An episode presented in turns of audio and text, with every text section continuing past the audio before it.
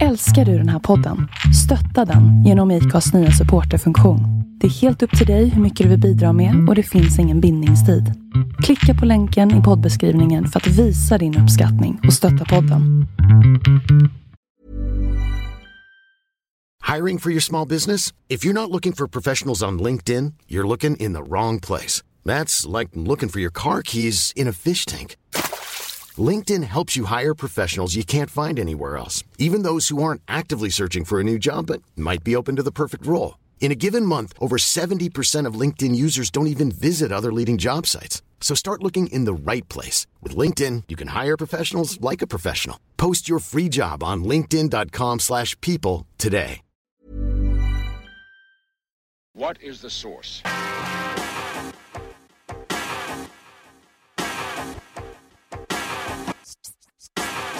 One, two, three, set it!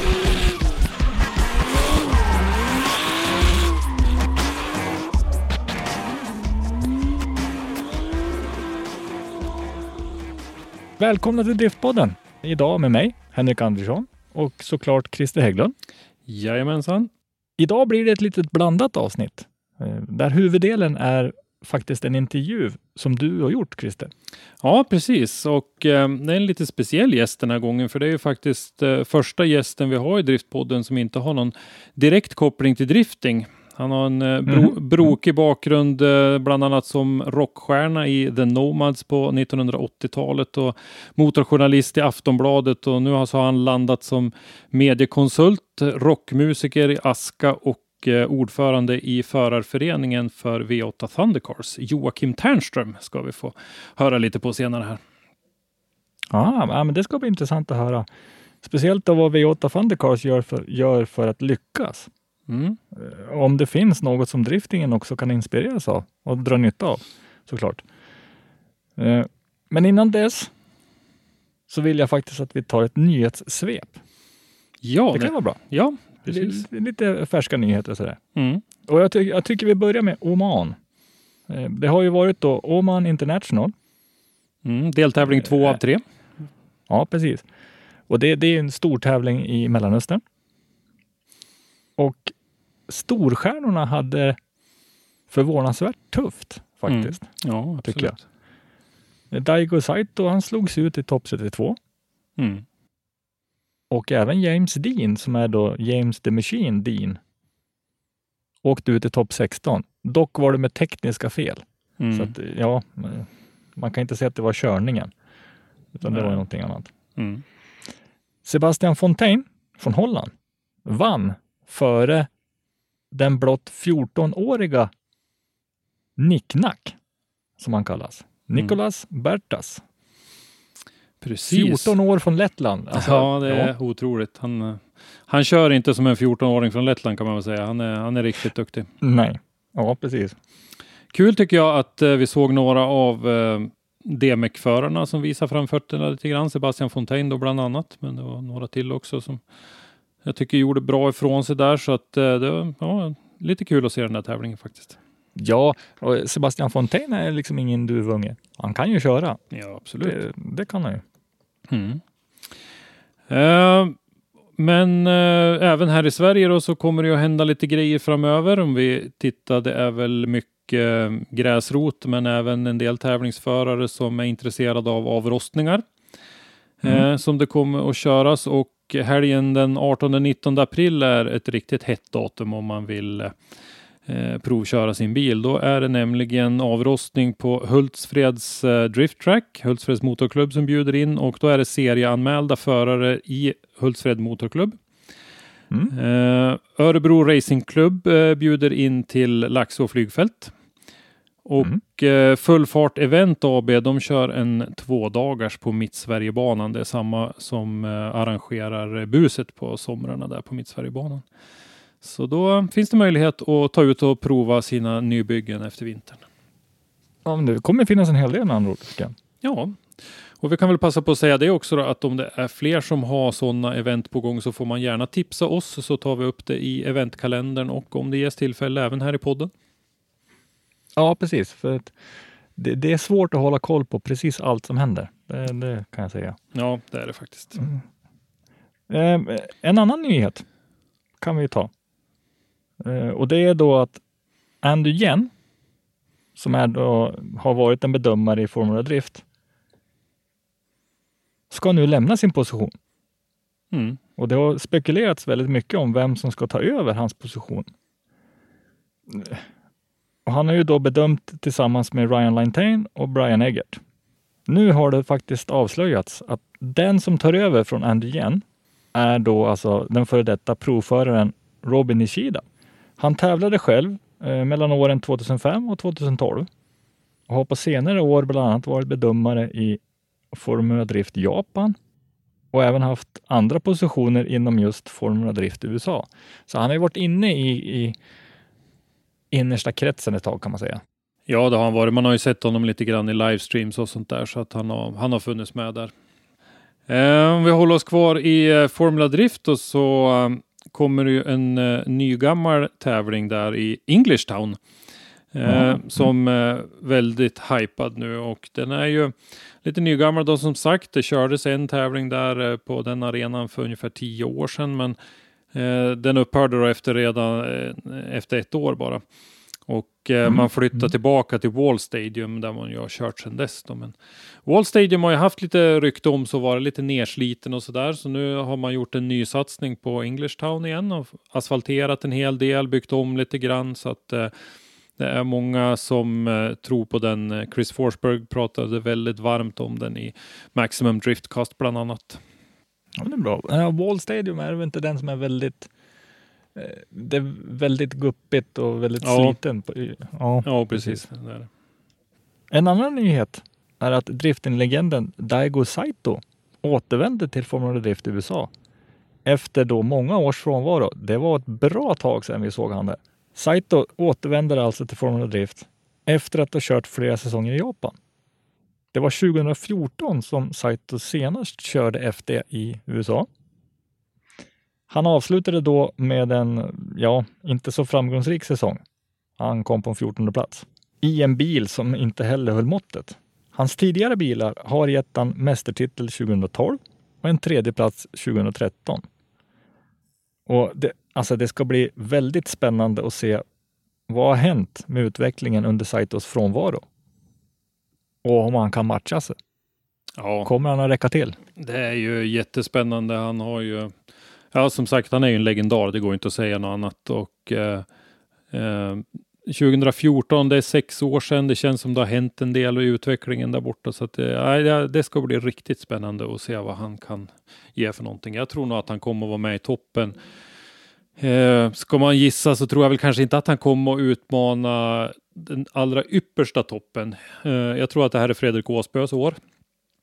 Jag tror mm. att han, han, kommer att vinna. Jag tror att Dean kommer att vara bra med. Eh, så att eh, jag tror nog han kan landa där någonstans, fjärde plats kanske någonting. Det, det är nog mitt tips. Ja, men jag tror även Piotr kommer vara, vara ja, med där. Absolut, helt klart. Eh, vi hänger kvar i FD lite grann till faktiskt, där det förekommer uppgifter nu då från eh, bland annat Travis Reeder att Napoleon Motorsports som ju körde med den elektriska Camaron här under eh, säsongen 2019 som ju var Formula Drifts första elektriska bil då, att de kommer att lämna Formula Drift. Och eh, där, de har ju fått en, en ganska eh, hård kritik bitvis då i, i, sociala medier där man tycker att den där satsningen kanske inte verkade vara så allvarlig utan det var, var lite grann det här att man ville verkligen vara först så att man stressade fram en lösning som inte var riktigt hållbar egentligen utan det var, det var viktigast att vara först, i, viktigare än att få ett, ett hållbart, långsiktigt hållbart program så att säga. Ja, men det är, det är synd när det blir så där. Ja, det är det faktiskt. Men eh, Travis Reeder verkar eh, reda sig själv i alla fall och han kommer att bli kvar i Formula Drift och han kommer att köra sin eh, gamla Nissan S13, då, Old Red som han kallar den. Och eh, den eh, bilen fick ju faktiskt eh, köra några gånger även under fjolårssäsongen då, då när Camaron antingen inte fungerade eller när det var lite eh, problem med tillstånd och grejer som det var i Long Beach till exempel. Om jag inte minns helt fel så var väl Old Red den han körde mest? Det kanske var så till och med. Jag, jag höll faktiskt inte räkning. Jag vet att den förekom flera gånger i alla fall, så att det, det kan nog vara så. Ja, precis. Apropå Travis Reader, då som kommer tillbaks till Formula Drift. Han har presenter- presenterats som en av GT Radials förare för 2020. Så det är bra. Mm. Reader ska tillsammans med Ryan Littoral och Kazuya Taguchi ta upp kampen med de etablerade däcktillverkarna i Formula Drift. Precis, eh, det är ju Falken. GT Radial har man inte hört talas om så mycket nej. Nej, precis, men Falken, XN90 och de här, de, de behöver nog lite nya eh, motståndare, så det är ju bra. Vi har ju sett en, en GT Radials förare i eh, Driftmasters. Eh, fransmannen som körde med en eh, BMW Cabriolet som jag nu har förlagt namnet på, men han är ju sponsrad av dem ganska tungt. Så att, eh, men eh, ja, det ska bli kul också att se lite nya fräscha grejer där borta. Eh, här i Sverige då så är det ju några förare som har gått ut med att de inte kommer att köra Swedish Drift Championship. Mattias Eriksson var en av de senare, Volvo 245 som de flesta känner igen. Eh, Mhm. Jonathan Borgström har också gått ut med att han kommer att ta ett mellanår och köra lite lugnare och eh, träna lite grann och sådär så får vi se vart de dyker upp någonstans igen. Vi har inte någon officiell startlista från Swedish Drift Championship ännu så att vi får hållas på halster ett litet tag till innan vi får veta vilka det är som kommer att köra årets mästerskap. Ja, men, men det, det, känslan man får är att det kommer nog bli en sån form av, ja, man ska inte säga men mellanår. Med tanke på att folk avstår Mm. och sånt där. Men från då Swedish Drift Championship till NES så har vi däremot fått en hel del svenskar där istället. Mm. Eh, De som har presenterats hittills är Pontus Furbring, Elias Broström, Filip Ågren, Mattias Bengtsson, Kim Pynnönen och Fredrik Westring. Mm. Deltävlingarna som går, kommer då köras i Sverige. Det är första, påsksladden. Eh, sen är det Estland, Finland och Lettland.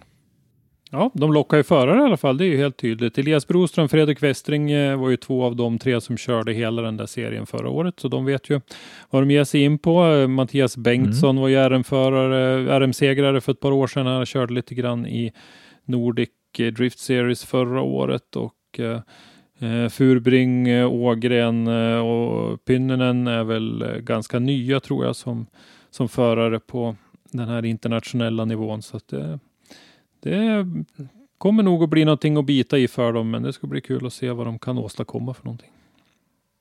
Ja, men kul samtidigt att man liksom testar. Eh, I helgen har det ju varit rally-VM. Har du hunnit kika någonting på tvn på Svenska rallyt? Ja, lite kort bara på eh, lite sådana här eh, nyhetssammanfattningar och sånt där. Mm. Ja, jag Jag kollade kollar. lite sånt också. Det var ju lite kul att se uh, bland annat som eh, kraschade väldigt hårt i, eh, i Monaco senast. Och han verkar ju inte ha dragit någon lärdom av det. Jag såg något eh, klipp här igår när han höll 186-187 kilometer i timmen, plattan i mattan och så börjar vägen och svänger, men han höll stumt ändå. Ja, alltså, jag tror inte han har liksom de begränsningarna i huvudet. Att Nej. oj, kanske skulle bromsa här.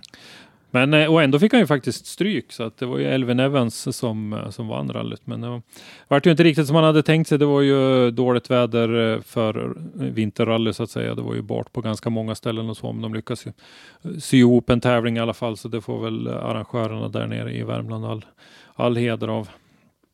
Ja, det kan inte varit lätt i år för att det var ju på tapeten att de eventuellt skulle ställa in det vet jag. Ja, de Eh, kortade ju ner av- det ganska Mm. mycket, men, eh, men det blev ju inte inställt och det blev ju, de sparade ju så mycket så att det blev fulla poäng i alla fall till, till VM-förarna och det var ju, var ju ganska viktigt.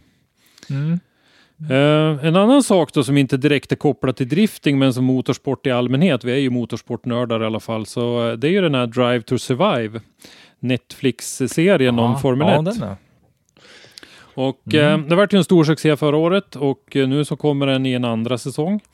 Och eh, jag tyckte det var riktigt intressant att se den där, för det var ju så mycket fokus på personerna bakom. Det var ju inte jättemycket körning egentligen, utan det var ju mycket fokus på personerna och då var det faktiskt eh, dels förarna var det ju naturligtvis, men det var även teamchefer och en del andra och lite om kontakterna mellan dem och sådär. Och det, det var riktigt intressant. Och Ferrari då, jag är ju Ferrari-fan, eh, var ju inte med överhuvudtaget i första säsongen. Eh, Mm, nej. liten plump i protokollet för dem tycker jag att de kände sig för stora för att vara med i den då. Men eh, de har ju insett sitt misstag i alla fall och eh, ska ju enligt uppgifterna vara med i säsong två i alla fall. Eh, och den har premiär den 28 februari. Så det är ganska snart så att eh, har ni möjlighet till det och se Netflix så tycker jag att ni ska titta på Drive to Survive. Ja, helt klart. Och det, det, det är så intressant att få följa med bakom. Ja, För här är det ju verkligen bakom kulisserna ja. eh, till stor del. Jag tycker vi tar och, och eh, avslutar nyhetssvepet där. ja, Men jag tycker ju att vi drar igång intervjun med Joakim Ternström istället. ja, det gör vi.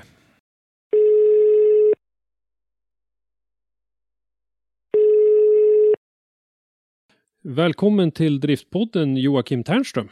Tack eh, ska du ha Christer. Det är trevligt att få eh, vara med. Det är lite ny plattform för min del. Ja, eh, du har ju god erfarenhet av, av att vara med i podden.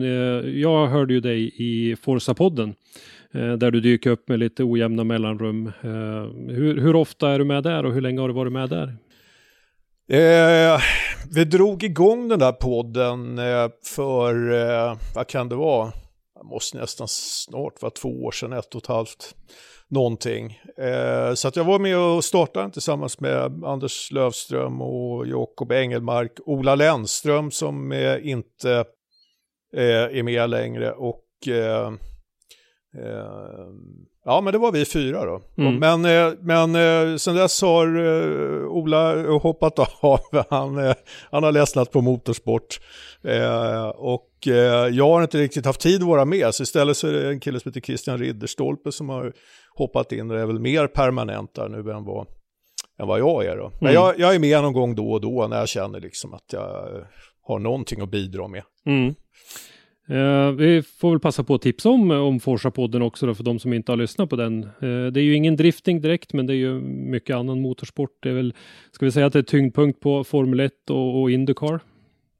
Ja, men det kan man ju säga. Jag försöker att, att trycka in eh, mina egna intressen där i, Mm. i form av V8 Thundercars då, Mm. mellan varven. Men eh, det, det, det stämmer. Det är Indycar och F1 som är, är de stora grejerna där. Eh, om vi kikar lite snabbt på drifting då. Har du någon egen erfarenhet av drifting? Eh, ja, det, om man säger så här. Jag har aldrig sett drifting live, men däremot så har jag både hört och sett röken av den. Mm. Eh, vilket skedde i eh, Östersund. När jag, jag jobbade åt eh, STCC mellan 2010 och 2014 som informationsansvarig där. Och eh, det var något av de två åren där vi var uppe i Östersund som eh, drifting var med på programmet. Mm. Och eh, man kan säga så här, det, det, var, och det var, ju, det var ju tydligen en riktig jäkla show, har jag förstått. Mm. Eh, och det var, det var en show trots att många av oss som inte ens såg den, liksom, vi, vi eh, stannade till och, och, och kände liksom bara att fan, det är ju så här eh, motorsport ska låta. Ja. Det var, eh, alltså det var riktigt fränt att, att höra det och sen, eh, sen såg man bara ett stort rökmoln som, som välde upp över det här lilla stadionområdet som fanns där. Så att det är väl min erfarenhet. Jag, jag har sett lite drifting på, på YouTube och sådär. Det, det, det har jag kollat på. Fräna bilar och, eh, och sådär. Jag, jag har lite, eh, just själva tävlingsmomentet har väl inte riktigt fångat mig liksom. Det är ju, det är väl lite av bedömningssport har jag förstått och ja, det är det ju. eh, den är kanske inte så lättillgänglig på så sätt. Nej, det är ju en Eh, tröskel eh, där. Ja, men sen en annan intressant grej som jag har eh, uppfattat när det gäller driftingen då. Efter att ha stått nere på Elmia-mässan med V8 Thundercars eh, ett par år så eh, har vi ju stått inte så långt bort från eh, drifting och även time attack. Mm. Och eh, där har jag liksom noterat att publiken har ju varit mycket yngre. Eh, på något sätt så fångar drifting och time attack upp den här eh, bilbyggarkulturen på något sätt som, som racingen hade en gång i tiden och som vi har tappat inom banracingen. Idag eh, så är det ju väldigt få som kommer upp från kartingen som kan skruva eller liksom har den passionen för bilarna på något sätt. Va? Mm. Utan det är mycket mer komma med hjälmen under armen och köpa en sits av någon Mm. som erbjuder den. Va? Mm. Eh, och det är ju lite grann det där, eh, du nämner ju V8 Thundercars och det är ju där du eh, hör hemma. Eh, och eh, jag tänkte ju att vi skulle diskutera skillnader och likheter i eh, lite grann hur V8 Thundercars och driftingen hanterar eh, lite olika utmaningar och sådär. Och, och det här som du nämner med, med bilarna och det är ju en av grejerna. Så om, om vi börjar i den änden, vad kör man med för bilar i, i V8 Thundercars? Vi har ju eh, ett, eh, man kan säga att ett enhetsreglemente egentligen. Det här är ju rörramskonstruktioner då, chassin, som eh, tillverkas i USA. Eh, alla kör med samma motor, en eh, 6,2 liters eh, V8 då från GMs tävlingsavdelning. Med, som är, den är strypt till 450 hästar. Det går väl att plocka ut 530 ur den där då. Mm. Eh, utan att eh, det nämnvärt påverkar serviceintervallen då. Eh, och sen så har vi då lite olika karosser som man kan välja på. Vi hade Dodge Challenger men den, eh, den har nu mer utgått ur reglementet så att eh, man kan köra med Ford Mustang eller Chevrolet Camaro. Mm. Eh, och i år så kommer vi också ge dispens för bilar som har, som vi kallar för, har Trans Am-karosser, det vill säga karosser som används i det danska mästerskapet. Okej. Eh, för att eh, få en lite mjuk övergång för eh, deltagare därifrån. Då. Mm. Eh, Mm. så att det, det, det är så det ser ut. Alla kör med, med likvärdiga grejer. Det är ingen som har några bättre prylar än någon annan. Utan eh, det gäller bara att sköta underhållet på, på bilarna så är prestandan eh, densamma. Vi har haft bilar som eh, ett av de första exemplaren som byggdes av den nya bilen 2010, jag tror det var nummer två eller någonting sånt där. Den, den eh, eh, vann ju tävlingar eh, i, eh, ja den vann inte i fjol men året innan. Mm. Så att eh, De har ganska lång livslängd alltså. de har lång livslängd. Mm. Det är, ju, det är ju ändå raka motsatsen kan man ju säga mot för vad vi ser i driftingen där det ju är väldigt många olika varierande chassin och det är eh, mycket varierande motorer och det byts motorer mellan märken och, och så vidare. Så att det är ju, det är ju raka motsatsen då mot, mot att köra med ett enhetschassi och en enhetsmotor sådär. Mm.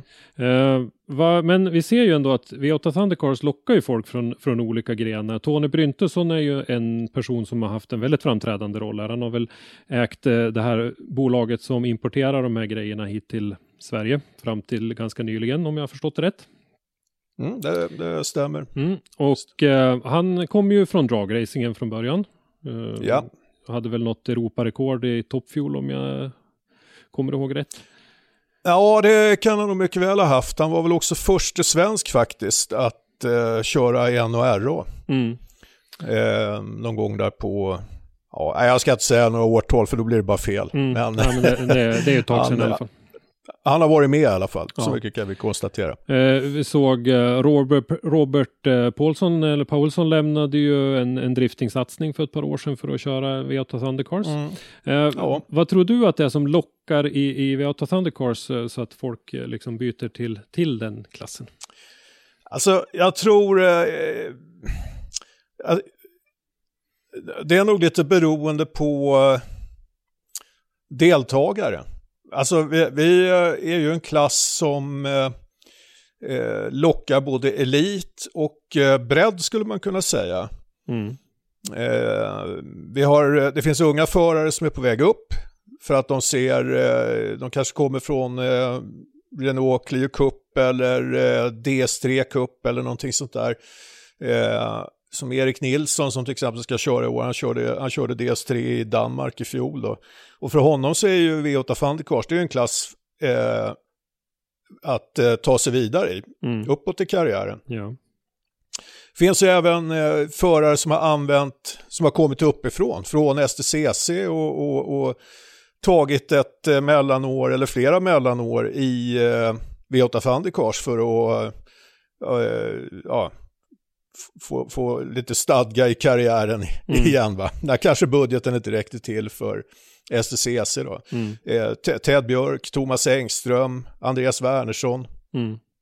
Så att eh, det är ju förare av, av lite alla möjliga olika eh, kalibrar som kör. Det, det, det är alltså allt från eh, elit och de som är på väg upp till de som vill eh, köra för att de tycker att det är kul. Va? Mm. Och känner, är det Eh. de som är på väg upp nu då, som ser det här som ett steg i karriären, ser de det som en fördel att man har det här enhetsbilen, att, att det är mera förare än vad du lyckas få till för material just?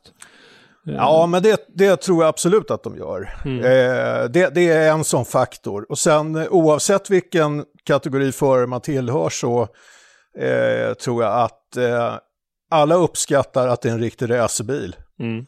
Eh, även om den eh, kanske är... Eh, eh, det, det, det är inte lätt att köra snabbt, men eh, de flesta kan köra den. Mm. Eh, och det är en riktig racerbil. När vi har eh, tester och folk kommer och provar på så är det ju många gånger som man möts av den här reaktionen. Liksom, att fan, det är ju en riktig racerbil. De kommer dit och så har de en förväntning om en gungig jänkare eller någonting sånt där. Va? Ja, ja. Men, men eh, prestandan är ju i nivå med, med, med STCC-bilarna på varvtiderna. Ibland är vi snabbare, ibland är vi långsammare. Mm. Så att eh, den går ju rätt fort, Mm. Eh, bilen. Och sen så är det naturligtvis eh, budgeten som krävs för att köra den. Den är ju inte så himla hög i förhållande till prestanda. Nej. Eh, den ligger väl på, ja, man kan, man kan köra en V8 Fandikars säsong för mellan 300 och 500 000 då. Mm. Eh, och kör du för 500 så eh, har du nog inga ursäkter om du inte hör till vinnarna, då är det dig det hänger på. Kör du för 300 så är du inte avhängd liksom. Nej. Eh, Vi ska komma tillbaka till det där med budgeten lite längre fram tänkte jag jämföra Mm. lite grann där. Men eh, hur länge har du funnits med i, i kring, eh, jag sa i presentationen här eh, innan att du är ordförande i förarföreningen Mm. för V8 Precis. Sandefors. Hur, Ja. hur länge har du funnits med här i? i Ja, jag, har, jag har varit med V8 Fandikors sedan 2015. Då blev jag eh, media och, och pressansvarig för, för klassen. Då. då hade jag ju jobbat på STCC sedan 2010. Va? Så att V8 Fandikors fanns ju med även då. Mm. Eh, så att jag har ju haft en relation till klassen väldigt länge. Men eh, 2015 började jag med V8 Fandikors då och eh, har haft jäkligt kul eh, under de åren. Eh, egentligen var jag färdig med motorsporten kände jag, men det som är så jädra kul med V8 Fandikars det är ju den sociala biten i depån. Alltså vi har en jädrigt bra, skön känsla i, i, i, i depån liksom. Och folk eh, umgås, har trevligt och så vidare. Va? Så att, Mm. eh, ja, det är, lite, det, det är det som är lite grejen med, med klassen. Mm. Eh, och eh, årets kalender då, den eh, består av sex deltävlingar. Det är fyra i Sverige, en i Finland och en i Tyskland. Mm. Vi kan dra den lite snabbt. Andra till 3 maj, vårracet Mantorp Park. 6 till 7 juni, Kymi Ring i Finland. 10-12 juli, Västkustloppet Falkenberg. 7-8 augusti, Drivers Club Ljungbyhed. 2 till 3 oktober, Mantorp Park. Och 17 till 18 oktober, Hockenheim, Tyskland. Jajamän. Eh, hur, hur är tanken med det upplägget där med deltävlingar i tre länder? Eh, är det lite för att, att visa upp eh, även på andra marknader eller? Ja, alltså de senaste åren så har vi alltid haft något utbyte med, med något land. Eh, I, eh, I fjol så var det med Danmark, eh, dessförinnan så har vi haft utbyte med Finland.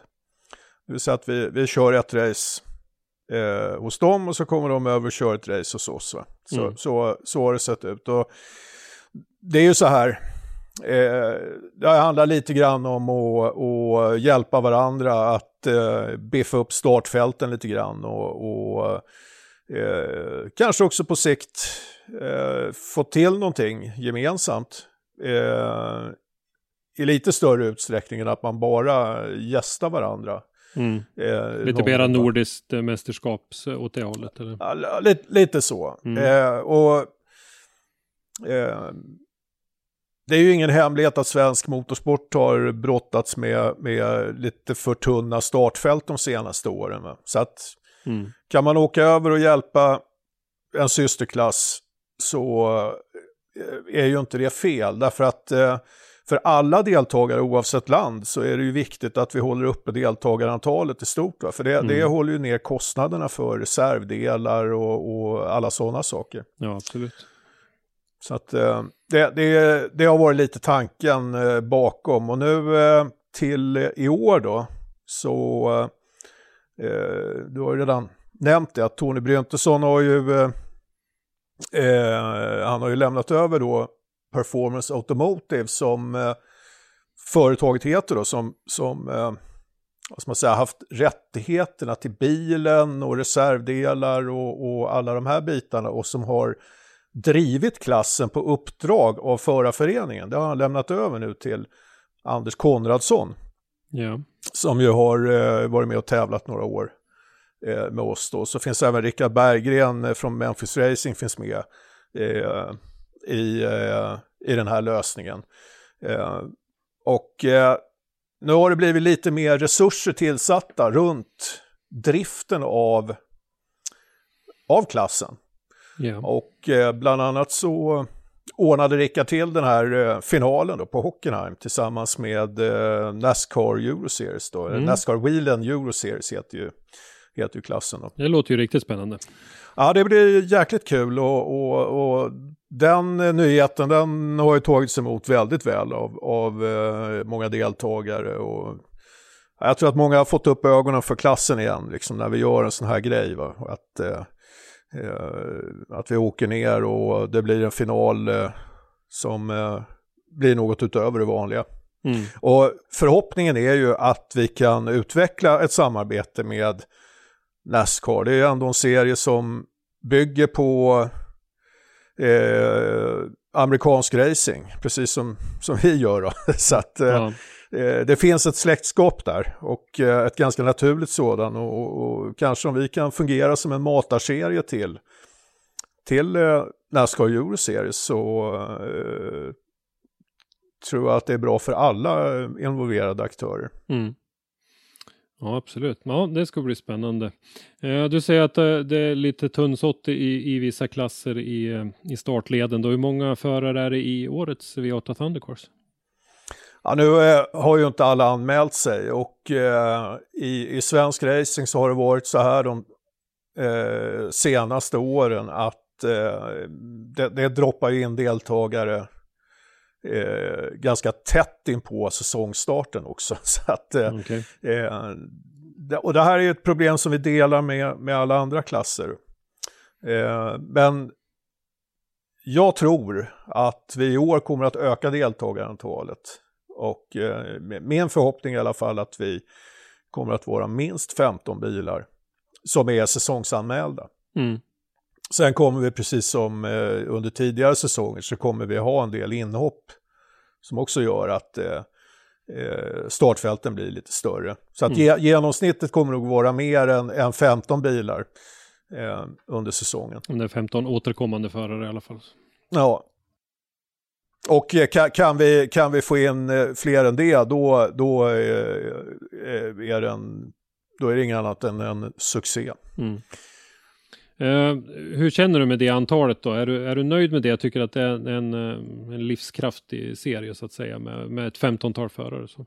Ja, och, alltså om vi kan växa så är det, då, då, då är det bra. Det är inte där vi ska vara och det är nog inte det som är målet heller, utan eh, jag, jag tror att vi, eh, eh, en racingserie behöver ha ett, eh, en 18-20 deltagare för att eh, liksom kunna utvecklas och få lite hävkraft också. Mm. Eh, för vi kommer ju kanske in på det här lite senare, för att eh, en, en promotor måste ju ha intäkter någonstans ifrån för att kunna göra de satsningar och den marknadsföring som behövs för att kunna utveckla mästerskapet. Mm. Och det är jättesvårt att göra utan deltagare. Mm. Vi, eh, jag tänkte, det var ju liksom tanken att vi skulle jämföra lite grann mellan eh, de här serierna nu då. Dels serieupplägget, eh, bilarna har vi Mm. pratat lite grann om och så lite grann också vad man tävlar om. Eh, Ja. och eh,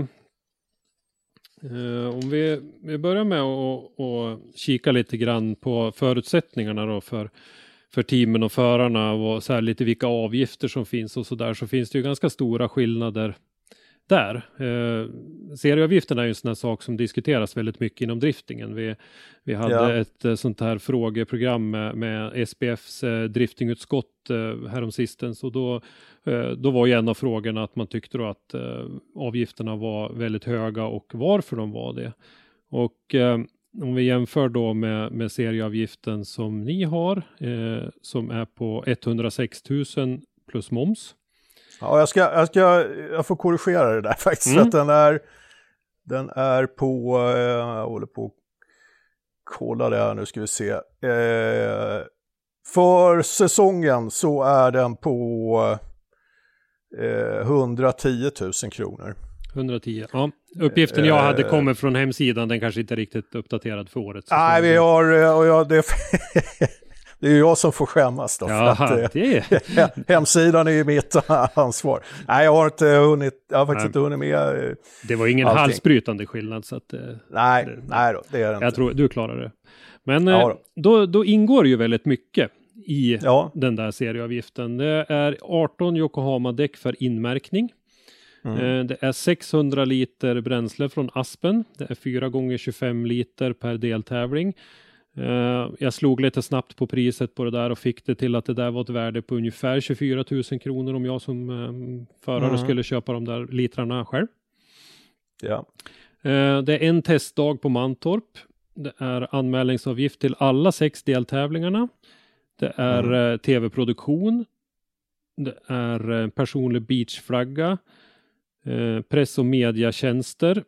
Ni har ett V8 Thundercars magasin i 15 000 exemplar varav 7 000 distribueras till rally och racings prenumeranter. Nu Mm. har vi det hela tiden som brasklapp nu att det här är lite icke uppdaterade uppgifter, men, men de gällde ju för 2019 i alla fall, så att de är, de, de är färs, färska nog. Va? Är, är det någonting som skiljer så eh, då har vi bytt ut någonting. Mm. så att eh, värdet på, eh, alltså det man får för anmälningsavgiften, det är detsamma liksom. Mm. Så att, eh, Eh, Det är kostnader för egna tekniker och kontrollanter, officiella V8 TC-kläder till tekniker och kontrollanter, det är support av reservdelar på alla race samt officiella testdagar, reservdelslastbil på plats och det Mm. är teknisk support i depån. Mm. Sedan så är det då prispengar och produkter till ett värde av eh, 500 000.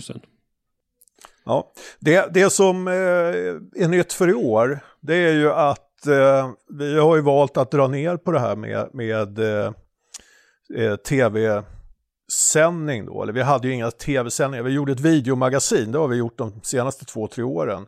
Mm. I samarbete med, med tidningen Bilsport då, och, och förlaget Fabas. Mm. Eh, ett magasin som var på eh, cirka ja, 30 minuter, sen drog vi ner det där. Men det är väl lite grann så här att eh, eh, inom racing, eller inom motorsport så tror alla att det, det är ett måste liksom att ha en tv-sändning eller motsvarande. Mm. Eh, men eh, idag, idag så är det ju så att det är oerhört svårt att motivera kostnaden för det när man tittar på hur många visningar blir det liksom. Jag menar, det är lite skillnad förr när eh, STCC gick i, eh, i SVT och man kanske hade 200 000 tittare. Men idag är medielandskapet så fragmenterat Mm. att ja, det, eh, det går. Det, det, är- det är liksom... Det är jättesvårt att eh, få det genomslaget. Mm. Vi har ju producerat eh, eh, livestream för eh, SDCs räkning, då Swedish Drift Championship. Eh, Mm. Vi på Driftzone och då har vi ju gjort det med, med, med budget som, som, som ett huvudmål så att säga. Riktigt, riktigt billigt men, men så bra Ja. det går. Och, vi tyckte att vi hade en hygglig säsong då 2019 och då nådde vi 100 000 tittare på hela säsongen. Ja. Fyra deltävlingar då. Mm. Och det är, det är rätt bra, Mm. skulle jag vilja säga. Eh, och det, det tyder på att det finns en väldigt intresserad publik Mm. eh, för driftingen. Ja. Så att eh, jag tror faktiskt inte att... Eh, eh, nej, jag tror inte att racingen är i, i närheten av det där faktiskt. Mm. Att lo locka de eh, mängderna tittare. Var, var visades eh, det här någonstans? Var det på... Eh, Det gick ju dels på SPF Play då och så Ja. körde vi på Facebook. På, Ja, dels på eh, Swedish Drift Championships egen Facebook-sida. Eh, vi på Driftzone har ju en, en ganska stor eh, följarskara på Facebook och sen så korspublicerades det ju även ut till alla team som ville vara med och alla del, Ja. deltagande team som ville vara med. Så att det, det gick ju ut ganska brett på så vis. Mm. Ja, jag, jag skulle tippa att vi eh, nådde kanske inte fullt upp till den eh, siffran eh, i fjol. Men eh, vi hade ju å andra sidan sex stycken eh, magasin som gjorde så. Mm. Men eh, här är ju lite grann problemet va? när man går in då och tittar på statistiken eh, på Facebook. Mm. Antalet visningar. Så det, det blir ju inte många kvar om, om man tar de som eh, har tittat mer än 10 sekunder. Va? Nej, det, det, det är ju lite olika hur man mäter sånt där också, så är det Ja. absolut. Och, och, och eh, därför så kände nog vi att eh, det är dags att göra någonting annat. Mm. Liksom. Och, och därför har vi tagit en väldigt stor del av den här budgeten som vi använder för de här sändningarna, eller magasinen snarare, till att lägga på prispengar istället. Mm. Sen kommer vi att jobba så hårt vi kan ändå då för att skapa en bra närvaro på framförallt Facebook blir det, det är ju där vi har våran eh, publik i sociala medier. Mm. Eh, så vi kommer att försöka skapa en bra närvaro ändå på, under eh, racehelgerna. Mm. Eh, så att, eh, men eh, jag tror att, eh, och jag tror att det kan vara rätt väg att gå. Jag tror att man kan få ut mycket mer av, av använda pengarna på ett annat sätt och se till att produkten blir bra först innan man pumpar ut den i, i en massa olika kanaler. Så Ja. vi bygger upp en, en grund att stå på ordentligt och Mm. eh, utifrån det så, så kan vi börja och, och beffa upp våra produktioner. Mm. Eh, vi kikade lite grann då på vad, vad serieavgiften var, om man får för den och motsvarande då för driftingen. Där, är- där betalar man dels en serieavgift på 4 000 kronor. Sen betalar man 4 000 kronor per deltävling som är fem stycken då i år. Eh, Men då man betalar allting i en klumpsumma innan säsongen så, så betalar man 3 000 per deltävling då som är totalt 19 000. Ja, Eh, och då får man för det då eh, anmälningsavgift som sagt. Vi har haft en livestream-produktion då som eh, SBF har köpt av eh, Driftzone. Eh, Press och mediatjänster, vi har eh, Facebook, Instagram, uppdateringar och lite sånt där. Och så är det ju lite tekniker och kontrollanter då givetvis även för, för, eh, för driftingen. Men det här finns ju inga prispengar alls. Nu pratar jag Swedish Drift Championship, då SM-klassen så att säga nej. överhuvudtaget. Man kunde vinna en Pro 2-licens till Formula Drift i USA Ja. eh, 2019 och eh, produkter då ifrån seriesponsorn Motul, det är ju smörjprodukter. Mm. Eh, vissa år så har det även varit några presentkort från SPFs partner som skruvat till exempel som, som alla mästerskapsvinnarna får och, eh, under SPF så att säga. Men det är ju Ja. ändå en, en, en ganska stor eh, filosofiskillnad där. Helt avsaknad av eh, prispengar och ni säger, du säger att ni, ni satsar mer mot det istället. Ja, Eh, känns det som att det är lockande för, för teamen och förarna att veta att det finns någonting att kämpa om eh, ekonomiskt? Då? Ja, alltså jag tror att eh, alltså i, i slutänden så gör det ju kanske inte så mycket till eller från. Eh, för eh, eh, de här Ja, det, kan, alltså det kanske är, det kanske, alltså deltagarna vet ju att de här pengarna kommer ju från, eh, från egentligen från våra sponsorer.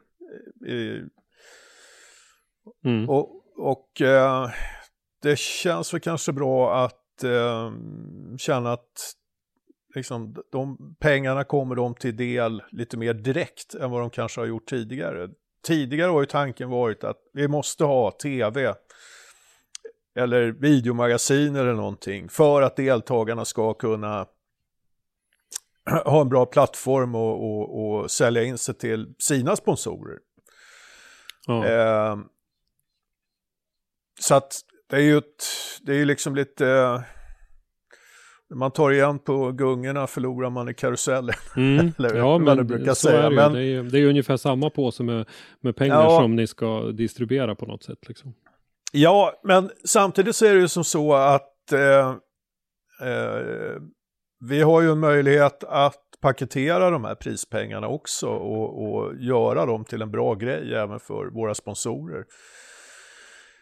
Kanske, det, i slutändan så kanske det är en bättre, en bättre modell att eh, använda sig av Mm. gentemot eh, deltagarna än eh, att eh, köra de här eh, magasinen. Någonstans så vill vi ju ta oss dit att produkten är så pass bra att eh, det blir en god affär att eh, göra bra produktioner kring den också, Mm. naturligtvis. Mm. Men det, är inga, det, är, det, är inga, det finns inga självklara vägar dit. Eh, prispengar vet jag att även de andra klasserna eh, lockar med, som STCC och även Porsche då. Eh, och eh, det är väl relativt länge sedan vi, vi höll på med sådana grejer i racingen. Va? Så att det blir ju Mm. lite... Eh, det blir ett litet test också. Men Mm. det, har ta, det har tagits emot jävligt eh, positivt liksom. Så att eh, Ja. vi, vi kör på så får vi se vad, vad, vad som händer. Mm. Nej, och det, det, det är väl lite grann det där att locka. Det är väl, jag vet inte om man ska dra paralleller till, till Bingolotto liksom. Det, det är många som säger att det vore bättre om de hade fler 500 kronors vinster. Men vi vet ju det av erfarenhet att 500 kronors vinsterna är ju inte det som lockar spelare utan det är ju, de, det är ju den här drömmen om ekonomiskt oberoende. Ja, Och, ja det, det, det kommer man inte uppnå i V8 Thundercars. Nej, men, men du, du kanske i, i eh, ekonomiskt oberoende i, i det här fallet då, det är att köra en säsong utan att betala någonting i princip för det. Ja. Eh, så så då, då finns ju liksom den drömmen ändå. ja. Sen är det ju också så, i och med att vi nu har två stycken utlandstävlingar, så får ju deltagarna lite ökade kostnader jämfört med Mm. tidigare år. Och, och Hockenheim blir väl lite extra dyrt då. då. Och eh, då har vi förlagt prispengarna, en stor del av potten har vi förlagt till de två tävlingarna, den i Finland och den på Hockenheim. Mm. Hur, eh, hur ser ni till att alla kommer på alla tävlingar då? Eh, där, där styr du med lite prispengar men i övrigt så är det... Ja, det är väl, eh, alltså de flesta säsongsanmäler ju sig ändå va. Mm. Eh, det är ju så. Jag tror, eh, vi, vi har ju haft några som har dykt upp då och då. Eh, och gjort lite inhopp. Mm. Men eh, Men av de här som är säsongsanmälda då, kommer Ja. de till alla tävlingar? Kommer de även till den sista även om de är avhängda i serien? Så att säga? ja men det gör de, absolut, absolut. Nej men det är, det är inga problem, de har ju betalt för det liksom. Mm. De får ju inte tillbaka pengarna om de inte Nej. kommer. Nej, det, där har vi haft lite problem med, med eh, vi har ju haft eh, finalen här uppe i Sundsvall ett antal år och eh, Ja. där har vi sett en, en ganska stor del avhopp eh, eh, inför den tä- deltävlingen då. Det är ju lite synd när man vill bjuda Det på är- final naturligtvis. ja men precis.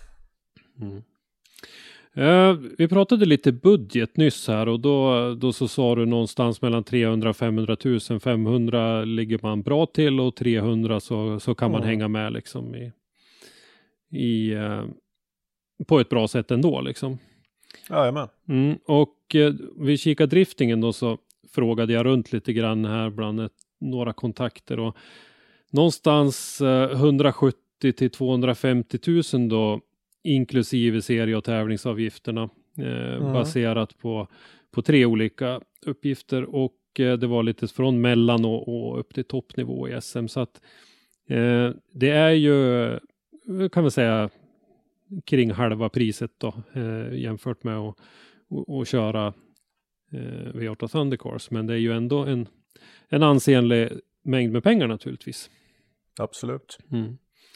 Eh, då är ju däcken är ju en ganska stor eh, eh, kostnad i, inom driftingen och då eh, som vi eh, hade det förra sommaren så, så sjönk ju den kostnaden för då var det ju blött på väldigt många tävlingar som, som gjorde att eh, däckkontot eh, blir ju ganska mycket billigare naturligtvis. Men, Mm. Eh, publik och sådär då, hur, eh, hur ser det ut där? Vad, mm, om man tänker intäkter på publiken, både inträden, parkeringar och så liknande. Vad, eh, går det någonting till er? Går det någonting, eller går allting till eh, den arrangerande banan eller hur? Mm. Det där, är- alltså det där är ju, kommer vi in på de här frågorna som vi var, eh, som vi pratade om inledningsvis, promotorns roll lite Mm. grann också. Va? Och det är ju det att som, som det såg ut fram till eh, för något år sedan då STCC-bolaget gick i konkurs. Så var det ju STCC som var promotor egentligen för eh, eh, alla de här arrangemangen. Mm. Eh, och man anmälde sig till eh, STCC och inte till respektive arrangör. Ja. Eh, och eh, intäkterna, eh, sista åren var jag ju inte med eh, i, eh, jobbade jag ju inte för STCC då, men dessförinnan så var, var det så att eh, det var ju banan som tog intäkterna för, eh, eh, för arrangemangen. Mm. Ursäkta.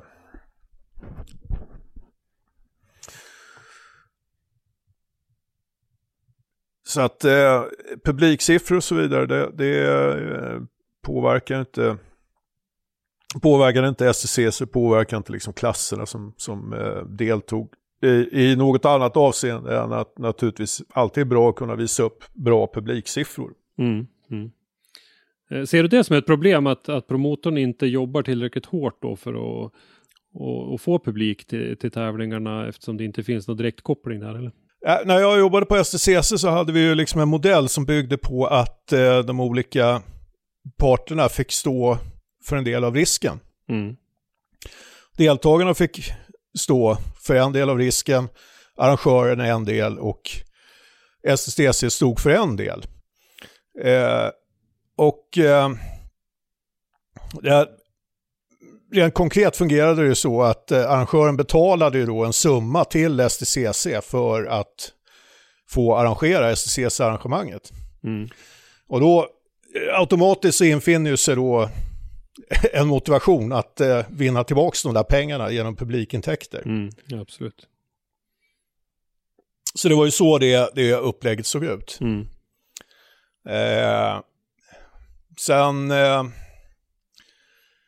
eh, sen hade vi ju det här racingkriget eh, 2012 mellan SSC och TTA och, och, och det eh, fick ju den konsekvensen eh, att eh, intresset för svensk banracing dalade. Ja. Eh, vilket innebar att publiken uteblev. Så att jag, jag tror ju inte att eh, avtalen med arrangörerna från STCCs sida efter att jag slutade har sett likadana ut. Det vill säga att arrangörerna betalar en, Mm. en större peng till eh, STCC. Alltså för den, den, de intäkterna har man aldrig kunnat räkna med efter det. Ja. Mm. Eh, Och eh, ja, jag tänkte bara säga, idag är, är väl snarare tendensen att eh, eh, arrangörerna mer försöker liksom att hämta in eh, intäkter från deltagarna. Alltså deltagarna får ju betala sitt eget kalas Mm. helt enkelt. Mm. Ja, och det är ju lite det vi har varit inne på i, inom driftingen också då, att man det är den eh, principen som eh, man vänder sig mot lite grann att det är ju, det är ju publiken eh, dels på plats och, och dels eh, Mm. livestream-publiken då som, som på olika sätt ska betala det här. Det är ju, det är ju förarna som ser till att det ens blir någonting att titta på. Eh, Ja. Och det, det håller jag ju med om. Eh, i, så, men det, det gäller ju att eh, eh, det blir någonting så att säga. Ja, jag vet inte hur jag ska formulera mig riktigt. Att, eh, att det blir några pengar och, och det, det är ju väldigt väderberoende och så vidare med, eh, för att det överhuvudtaget ska komma in några pengar då. Ja, men absolut. Och med, medans utgifterna då inte eh, är väderberoende ofta utan de, de finns ju oavsett. Så att det, är ju, det är ju säkrare eh, för seriearrangören att ta in eh, och för arrangören då att ta in pengarna på deltagarna för de, de vet man ju kommer i alla fall. Ja, och eh, jag vet inte, jag, det är lite svårt att lite svårt att klandra arrangörerna liksom. Det Mm. ska ändå jobbas och det ska ställas upp och eh, man har anläggningar. Nu har inte jag riktigt koll på var ni kör någonstans så, men, men Mm. kör man på en vanlig racerbana så är ju det en eh, det är ju en anläggning där man har kostnader för underhåll och annat liksom. Så det är klart som fasen att man måste få in pengarna. Mm. Vi eh, kan nämna det lite kort. Vi kör ju eh, årets STCC, eller STC-premiär går ju på Mantorp Park. Sedan är det eh, Sundsvall Raceway. Det är ju en kombinerad eh, dragracing och eh, driftingbana. Ja. Eh, Sedan är det eh, Färila Raceway som ju också är kombinerad dragracing och drifting. Eh, sedan är det Hultsfred Drift Track eh, som är en, eh, den äger klubben själv där nere och så är finalen i SM-klassen eh, går uppe i Fällfors på Drive Mm. Center Arena där. Mm. Så att det är ju, det är lite blandat, lite större anläggningar och lite mindre klubbägda. Sundsvall äger ju till exempel sin bana själv då. Men, Mm. men det är ju förenat med kostnader ändå naturligtvis. Sen, jag menar, ja, det kostar pengar att hålla på med motorsport, det är bara att konstatera. Mm. Och pengarna måste komma in någonstans ifrån. Mm. Och eh, som deltagare då så kan man ju, skulle man ju kunna tycka att, eh, att eh, det är någon annan som ska betala för det, liksom, för att man Mm. bjuder på underhållning eller någonting sånt där. Men så ser ju världen inte riktigt ut. Eh, om intresset för motorsport vore så jättestort, då, då skulle det här inte vara något problem. Då skulle ju pengarna eh, eh, rinna in. Då skulle det vara som förr i tiden inom banracingen att eh, arrangörerna betalade startavgifter, eller start, eh, eh, startbidrag då till de som Mm. ska köra istället. Va? Mm. Eh, men vi, vi är ju inte där. Nej. Och då, då måste ju deltagarna fråga sig, liksom, vad, vad, vad kan jag göra för att få in mer pengar? Då? Mm. Och då handlar det om att jobba med sponsorer. Och även där har ju liksom landskapet förändrats ganska mycket. Eh, Ja, i, och med att, I och med att medialandskapet också har förändrats, att allting blir mer och mer fragmenterat, så är, det ju har det blivit svårare och svårare att sälja enbart exponering. Liksom. Jag menar, det är ingen, eh, ingen vill betala speciellt mycket bara för att få en klisterlapp på bilen. Liksom. Du, du måste erbjuda någonting mer. Mm. Du måste erbjuda en eh, affärsnytta för, för Mm. sponsorn. Ja, det där har vi faktiskt gjort ett poddavsnitt om och, och kommit med lite idéer och, och förslag vad man kan göra och vad man kan ge tillbaka till sin, till sin samarbetspartner på olika sätt. Och både handgripligt och för att ge så mycket värde som möjligt. Men, men samtidigt så tänker jag också att ett ansvar som jag tycker att det finns ju lite övrigt att önska om, jag har redan nämnt det, men det är ju att köra alla deltävlingarna i en serie man är anmäld till. Ja, ja, absolut. Det känns, ja, ja. ju, Nej, det- känns det ju är- helt givet. Ja, Eh, Och eh, där tycker jag att man, eh, om man då inte är ärlig i början av säsongen och säger att av Mm. de här fyra deltävlingarna så tänker jag bara köra tre, jag tänker inte köra finalen. Mm. Då, då tycker jag att man har man ju mer eller mindre snuvat sin, sin partner på, på en fjärdedel av, av det den har betalat för. Ja, men lite grann så är, så är det ju så. Och eh, jag kan ju tycka ibland då, utan att hacka för mycket på deltagare, va? men, men eh, många deltagare har ju svårt att lyfta blicken ovanför just det egna som man håller på med. Mm. Eh, och många, många förstår heller inte liksom hur eh, den eh, ekonomiska och praktiska verkligheten ser ut för de som ska arrangera de här sakerna. Mm. Eh, många tror liksom, alltså de, de, de vet inte kanske att ja, vad, vad publikintäkterna tar vägen någonstans, det har de ingen aning om. Ja. Eh, Nej, det var ju en sån sak som vi försökte reda ut lite grann när vi hade den här frågestunden med, med driftingutskottet också. Att eh, klubbarna har ju en hel del kostnader så de får ju ta hand om, om eh, Ja. publikintäkterna då och sådär. Och, och det är ju deras sätt att försöka och, och, och överleva också. Ja, men precis. Mm. Och, och, och det, det där, eh, det, det är ju också någonting vi ska värna om. Det är ju klubbarna alltså och funktionärer. Mm. Eh, det blir bara svårare och svårare att eh, få tag på funktionärer. Mm.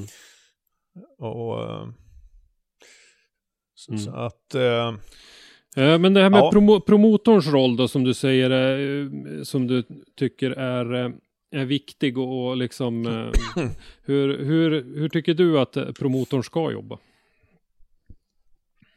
Alltså en promotor eh, har ju en ganska otacksam uppgift eh, och eh, är ju sällan eh, vän med alla aktörer samtidigt. Mm.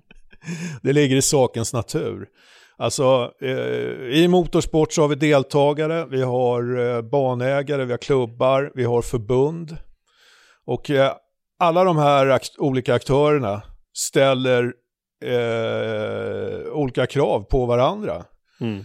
Eh, de har alla sina egenintressen och promotorns roll den är att jämka de här eh, olika intressena. Och eh, jag vet inte, jag tror inte liksom att alla riktigt ser promotorns roll på det viset. Men eh, Och samtidigt ska han ju försöka att få ut någonting av det själv också. Exakt, och, och det är ju inte helt ovanligt att, eh, att eh, man från deltagarhåll då kan tycka liksom att ja men varför ska de där tjäna pengar på oss? Mm. Och ska man ha den där rollen som en promotor har, då, då måste man också få tjäna pengar Mm. för att kunna utveckla och investera i, eh, i den eh, produkt som man håller på att jobba med. Mm. Eh, och har man inte en promotor som kan göra det så kommer liksom inte att, det kommer aldrig att lyfta. Nej, för det är väl det som är, är hela grejen med det här att eh, det är väl lite som med privatiseringen inom den offentliga sektorn att, att där vinstintresset ska få saker att bli bättre och effektivare än, än vad de hade varit annars. Eh, promotorn ska ha ett sånt stort intresse av det här för att, för att eh, tjäna på det själv, att han lyfter hela eh, alla Mm. de andra intressenterna med sig liksom. Ja men absolut. Och, Ehm, och inom, drift, inom driftingen så har vi ju det lite unika att eh, vårat eh, förbundsutskott är ju extremt eh, handgripligt med i, i driften av serien. ja. Eh, de är ju eh, utskottets ordförande Max Lundgren som eh, ju även är aktiv på Mantorp Park. Han Mm. är ju ofta tävlingsledare på, på STC-tävlingarna och vi har flera andra eh, utskottsmedlemmar som också är eh, bedömare och, och eh, administrativa chefer och så vidare. Så att man är ju verkligen Mm. hands-on i mästerskapet och det är väl ganska ovanligt vad jag har förstått det. Det, det stämmer nog absolut. Mm. Vilket jag kan se som, som både en nackdel och en fördel därför att eh, nackdelen då kan man väl säga är att de blir upptagen, det tar väldigt mycket tid och man, man får inte riktigt, eh, man blir inte en, en högre instans så att säga eh, som man kanske borde vara gentemot från serien då så att säga. Men samtidigt så är man ju mitt i verksamheten också. Man är ju där det händer. Man sitter ju inte bara i något styrelserum någonstans utan man är ju Nej. verkligen med där det händer och, och, och, och, ser själv eh, utvecklingen och så vidare. Så att det, det, det är både på gott och ont kan jag tycka.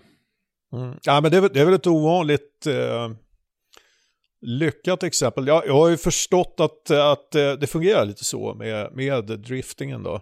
Mm. Och eh, eh, när det gäller racingutskottet så har ju de, eh, vad ska man säga, de, de har ju kanske ett, de, de har lite fler klasser och annat att ta hänsyn till. Liksom. Ja, så att de, kan, de kan liksom inte ta den rollen på något sätt, va? även även Nej. om de skulle vilja. Men eh, problemet för driftingen kan ju naturligtvis bli liksom att det, det är, jag, jag tror ändå att just den där promotorsrollen behöver tas av någon. Liksom. Någon behöver ikläda sig den här. Nu, sitter, nu är, måste det ju vara på det viset att det är en del som sitter på eh, flera olika stolar samtidigt. Mm.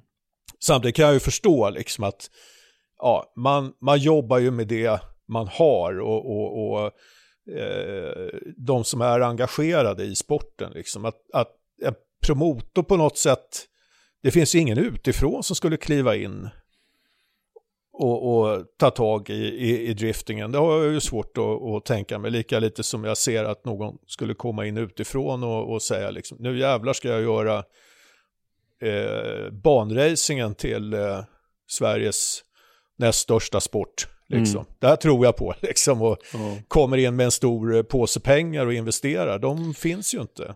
Nej, det gör det väl inte och, och i så fall vill man göra det då, då har man ju kunnigt folk med sig för, för just för, liksom för driften och det mera handgripliga. Eh, Om Ja. man skulle vilja komma med, med en påse pengar, det tror jag skulle vara välkommet både hos er och hos oss. Att, eh, Ja, absolut, men Ja. eh, vi vet ju att det finns ju, det finns ju i så fall eh, andra affärsidéer med, med bättre förräntning på, Mm. på pengarna förmodligen. Va? Så Mm. att, nej men eh,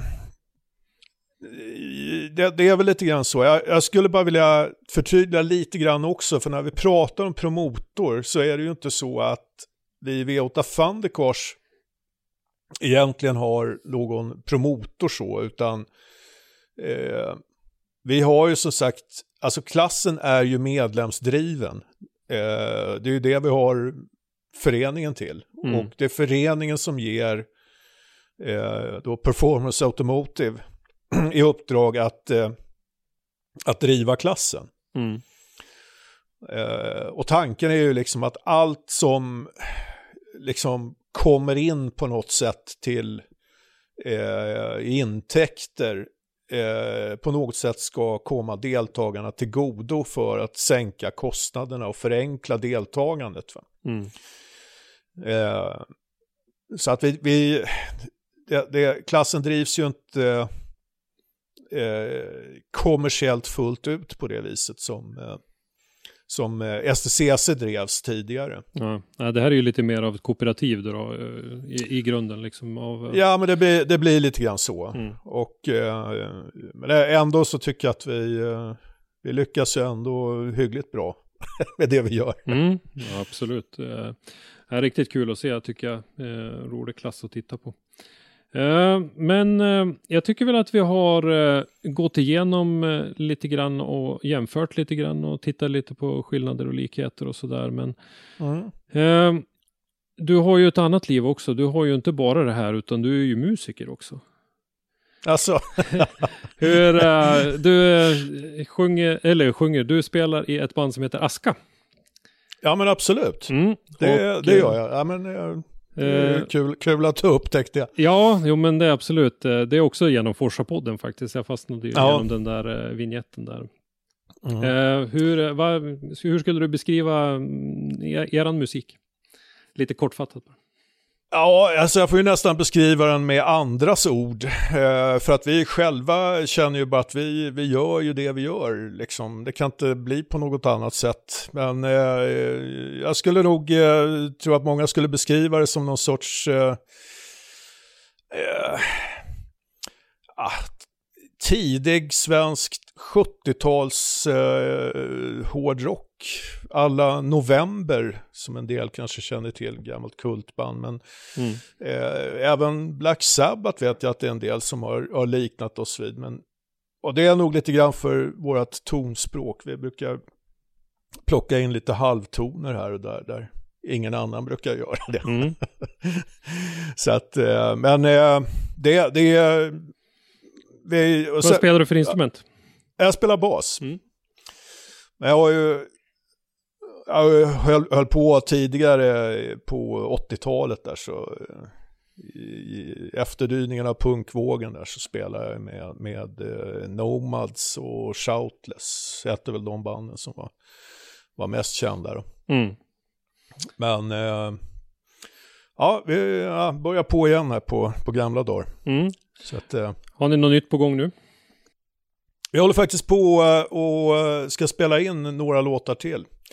Det som är inspelat eh, så här långt, det kan, man ju, det kan man ju hitta på Spotify om man söker på Aska och Gryningen till exempel. Då, då, då kommer man hyggligt rätt där. Mm.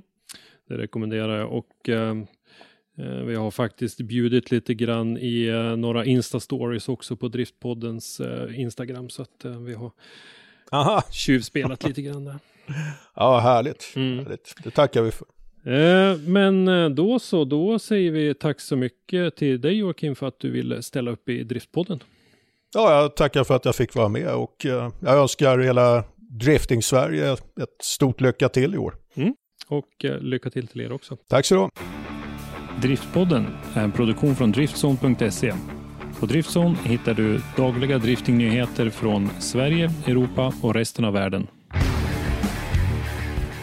Ja, då har ni hört eh, den väldigt intressanta intervjun av då Joakim Ternström som roddar i V8 Thundercars. Eh, väldigt intressant.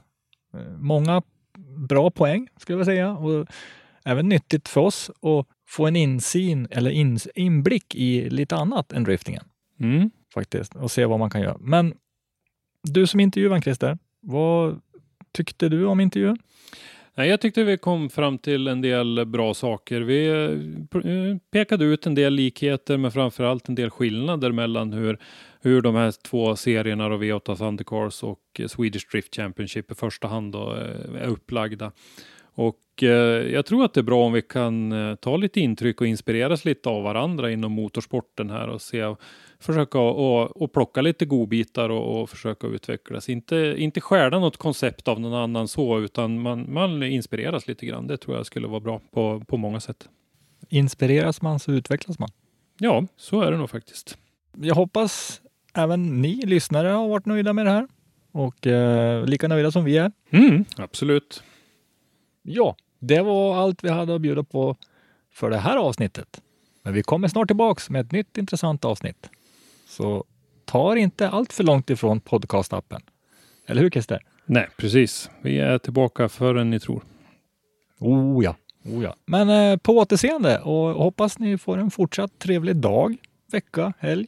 Så syns vi nästa gång. Ja, hej då! Hej då! Besök oss gärna på driftzone.se eller i sociala medier för dagliga nyheter om drifting. Vi heter Driftzone på de flesta plattformar. Har du en gäst eller ett ämne som du vill att vi ska ta med i Driftpodden så skicka oss ett meddelande på våra sociala medier eller skicka ett mejl till oss. Programledare idag var Henrik Andersson och Christer Hägglund. Gäst var Joakim Ternström och ljudtekniker Robban Strandberg. Driftpodden är en produktion från Driftzone och produktionsåret var 2020.